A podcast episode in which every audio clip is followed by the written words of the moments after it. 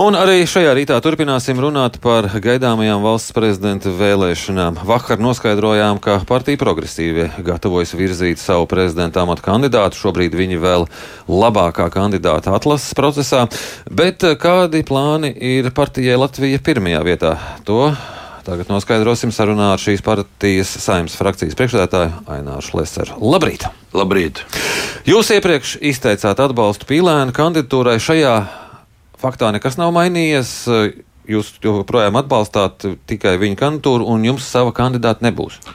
Mēs esam teikuši, ka partija ir cienījams un pieredzējis kandidāts, bijušais premjerministrs Vils Kristapāns, bet mēs viņu nevirzīsim, jo mēs apzināmies, ka mēs nevarētu iegūt pietiekošu atbalstu, lai viņš varētu iegūt saimnes, kā teikt, vairākuma atbalstu. Un tieši tāpēc mēs esam pieņēmuši lēmumu atbalstīt uh, Uldi Pīlēnu, bet ar vienu piebildi. Ja Uldis Pīlēns piedāvās reformas, lai reformētu Latvijas ekonomiku. Tas, ko viņš solīja Latvijas vēlētājiem pirms uh, iepriekšējām vēlēšanām, uh, tad ir ārkārtīgi svarīgi, lai būtu šis reformu plāns. Ja viņš to reformas plānu stādīs priekšā, tad mūsu balsts viņam ir garantēts. Un reformu plāns sev ietver to, ka mēs patreiz kā valsts grimstam purvā. Mēs redzam, to, ka mēs dzīvojam uz aizņemtās naudas, vidēji 2 miljardi eiro mēs aizņemamies, līdz ar to mēs nespējam sevi normāli uzturēt. Mums ir nepieciešama milzīga reforma valsts pārvaldē, ir jāsamazina vismaz par trešdaļu nevajadzīgie ierēģi, kuri ir pārāk daudz. Mums ir jāver ciet virkni iestādes, ir jāapvieno iestādes, mums ir jāveic nodokļu reforma, it sevišķi tas, kas attiecas uz mazo biznesu. Jūs šobrīd jau nesākat runāt par uh, jaunā premjera ievēlēšanām, par, par, jo tas Prezident... viss vis šīs lietas jau attiecās uz valdību un pre, premjeru. Nē, diemžēl jums nav taisnība.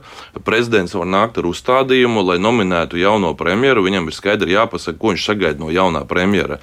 Un, uh, protams, uh, kāds var arī piemānīt prezidentu prezidentu, bet tad viņš arī piemāna sabiedrību. Jo parasti ir tā, ka, ja kāds gatavs uzņemties vadīt valdību, tad viņam skaidri ir jāpasaka, kāds ir viņa rīcības plāns un ko viņi izdarīs simts dienu laikā. Kāpēc simts dienu laikā kaut kas jāizdara? Tāpēc, ka, ja tu simts dienās nespēji reformēt valsti kopumā un piedāvāt reformu plānu, tas nozīmē, ka tev reformu plāna vispār nekāda nav. Un tieši tāpēc Ulris Pīlēns, kā reformators, tā viņš sev pieteica, viennozīmīgi var var, var rēķināties ar mūsu partijas atbalstu, ja viņš saglabās šo reformu kursu. Nu, tajā brīdī, kad jūs izteicāties, ka Ulrichs Pīlēns ir piemērots prezidenta amatam, uzreiz arī izskanēja tā ziņa, nu, ka skaidrs, ka viņš visticamākais nebūs, jo kā tā ar opozīcijas balsīm ievēlēts prezidents. Kāda šobrīd ir tā noskaņa saimā, skaitot balsis jums, cik liela nu, pārliecība ir Ulrichs Pīlēns? Simtprocentīgi, ka Levits nebūs, jo it sevišķi pēc tā, ka vakar progresīvie pateica, ka viņi virzīs savu kandidātu. Tas nozīmē, ka progresīvie pateica, ka viņi neatbalstīs eh, Levitu, ja jau reiz viņi virza alternatīvo. Bet, kas attiecas par Ulrichu Pīlēnu, tad principā 99% ka viņš būs prezidents. Kāpēc 99%?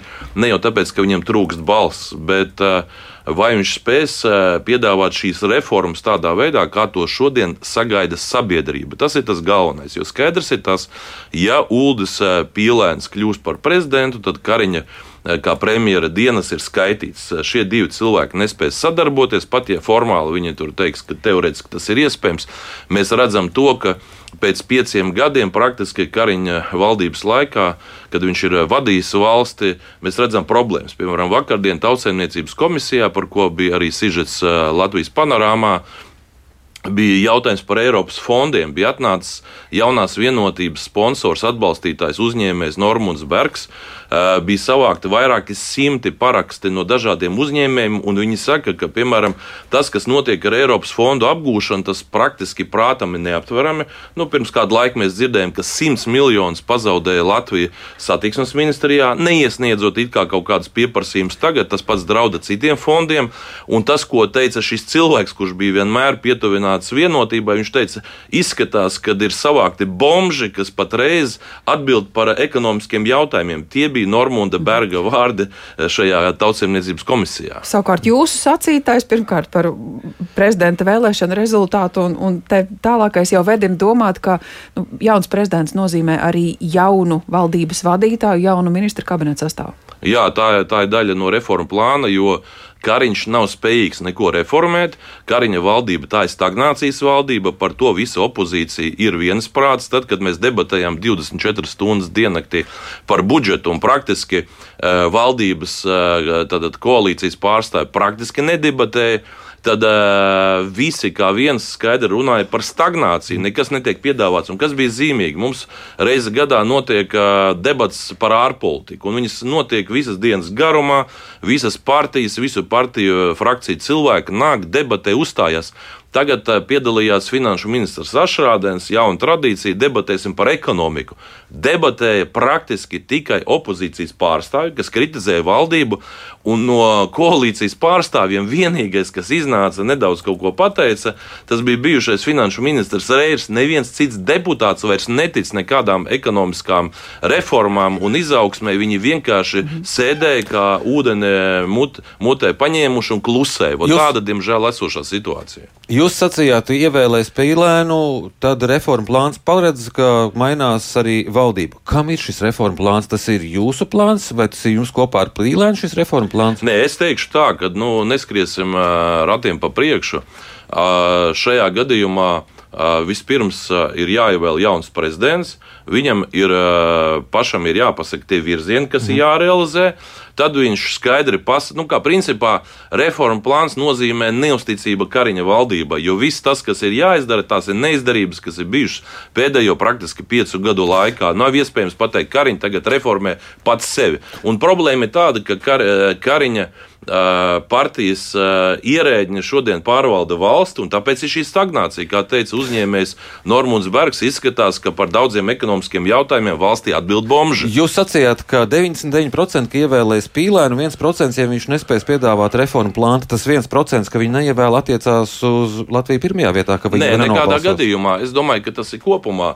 Es domāju, ka arī citas partijas principā es teikšu tā, ka jāveido ir profesionāļu valdība, ir jābeidz spēlēties ar visām tiem koalīcijām, kuras te tagad veido, tur saskaņo visādas jautājumus. Ir ideoloģiskie jautājumi, un tur, protams, ir atšķirība daudzām partijām, piemēram, starp Latviju pirmajā vietā progresīvajiem ideoloģiski mums ir eh, atšķirīgi viedokļi, tas, kas skar, piemēram, ģimenes tēmas un daudz ko citu. Bet tas, kas skar, eh, skar, skar, ekonomiku, piemēram, Brīškena kungs, mēs principā pa 90% domājam diezgan līdzīgi. Es ar viņu tagad pastrādāju tautsēmniecības komisijā, un eh, šķiet, ka arī viņi grib šīs reformas realizēt. Tā kā šajā gadījumā gan progresīvie, gan ZZS, gan Latvija pirmajā vietā, es esmu pilnīgi pārliecināts, ka mēs varam apvienoties un izveidot šo reformu plānu. Jo skaidrs ir tas, ka šodien valdība, šodien šī ir Kariņa valdība divi, kurā apvienotais saraksts ir kā ielāps. Bet skatīsimies jau mazliet tālāk par to Jā. pašu apvienoto sarakstu. Tas arī būtu jūsu reforma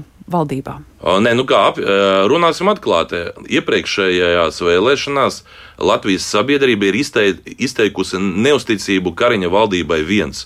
Vairākas partijas, tur konservatīvie, attīstībai par netika ievēlēti. Jā, bet tie, kas cilvēki, kas šobrīd ir apvienotajā sarakstā, daļa izteica neusticību ZZS. Tādēļ es te, nē, bet redziet, ir divas lietas. Tas, kas ir bijis pirms vēlēšanām, vēlēšanas ir notikušas, un mēs redzam to, to ka lielākā sabiedrības daļa gribēja balsot par jauniem politiķiem, par jaunām partijām, tā skaitā arī par tiem, kas bija opozīcijā. Un es domāju, būtu loģiski, ja visas opozīcijā esošās partijas varētu vienoties par profesionāļu valdību izveidi, kurā principā nevis tiktu ņemti cilvēki, kurus vienkārši deleģē partijas, bet, bet prezidents nominē premjeru kā tas ir noteikts satversmē, un uh, premjera amata kandidāts ir tas, kas izvēlas profesionāļus, nevis tā kā partija iedod. Mēs šodien zinām, es negribu nevienu apvainot personīgi, bet atslēgas amatos ir cilvēki, kuri nezina angļu valodu. Un vienlaicīgi, tad, kad notiek sarunas ar ārvalstu delegācijām un tā tālāk, viņi pat nu, nav spējīgi noformulēt savu pozīciju. Nu, nevaram 30 gadus pēc neatkarības, tad, kad mēs esam Eiropas Savienībā,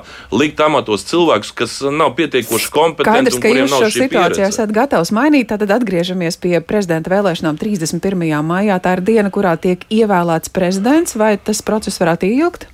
Es uh, domāju, ka ir viss iespējas, ka pirmajā kārtā Pīlēns tiks ievēlēts. Un nākamais solis, cik drīz tiek veidot jauna valdība, ņemot vērā, ka jau tad gads būs pusē. Tas nozīmē vasaras brīvlaiks, kas parasti paiet. Nu, es domāju, ka nekādu brīvlaiku te ne, nevajag plānot, vajag plānot nopietnu darbu, jo valstī ir problēmas. Mēs, mm. mēs redzam, ka cilvēki turpina braukt prom no valsts, eka, ekonomika stagnē, un tieši tāpēc ir jāgatavojas darbam. Es domāju, ka uzreiz pēc inaugurācijas, kas, ja nemaldos, būs 7.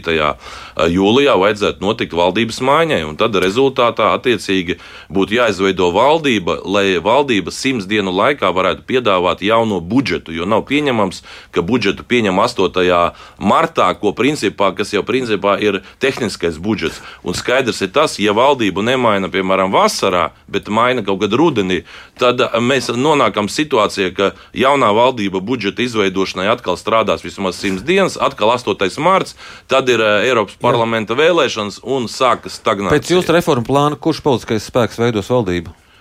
Es domāju, ka uh, vajadzētu visām opozīcijas partijām apvienoties un vienoties par profesionāļu valdības izveidi. Pēc nosacījumiem, jā, ideoloģiski mēs varam atšķirties, bet visus labākos cilvēkus, kuri partijām ir, kuriem ir vēlētāju mandāts, nu, nesāksim meklēt profesionāļus kaut kur ārpusē. Pirmkārt, tie ir tie, tie, kas ir ieguvuši mandātu, kuriem ir sabiedrības atbalsts, tādiem ir jāiet un jāstrādā valdībā. Jūs pats arī gatavs valdībā? Es esmu gatavs gan strādāt valdībā, es esmu gatavs arī veidot valdību, es esmu gatavs arī strādāt parlamentā, ja tas ir nepieciešams. Patreiz nav jautājums ap mani, patreiz ir jautājums par valdību, un skaidrs ir tas, Levitam ir jāaiziet, un jāaiziet arī Kariņa valdībai. Mhm. Jā, paldies par šo sarunu. Studijā bija. Partijas Latvija pirmajā vietā saimnes frakcijas priekšētājs Ainārs Šlesers, kurš vienmēr gatavs gan valdībā veidot, gan strādāt.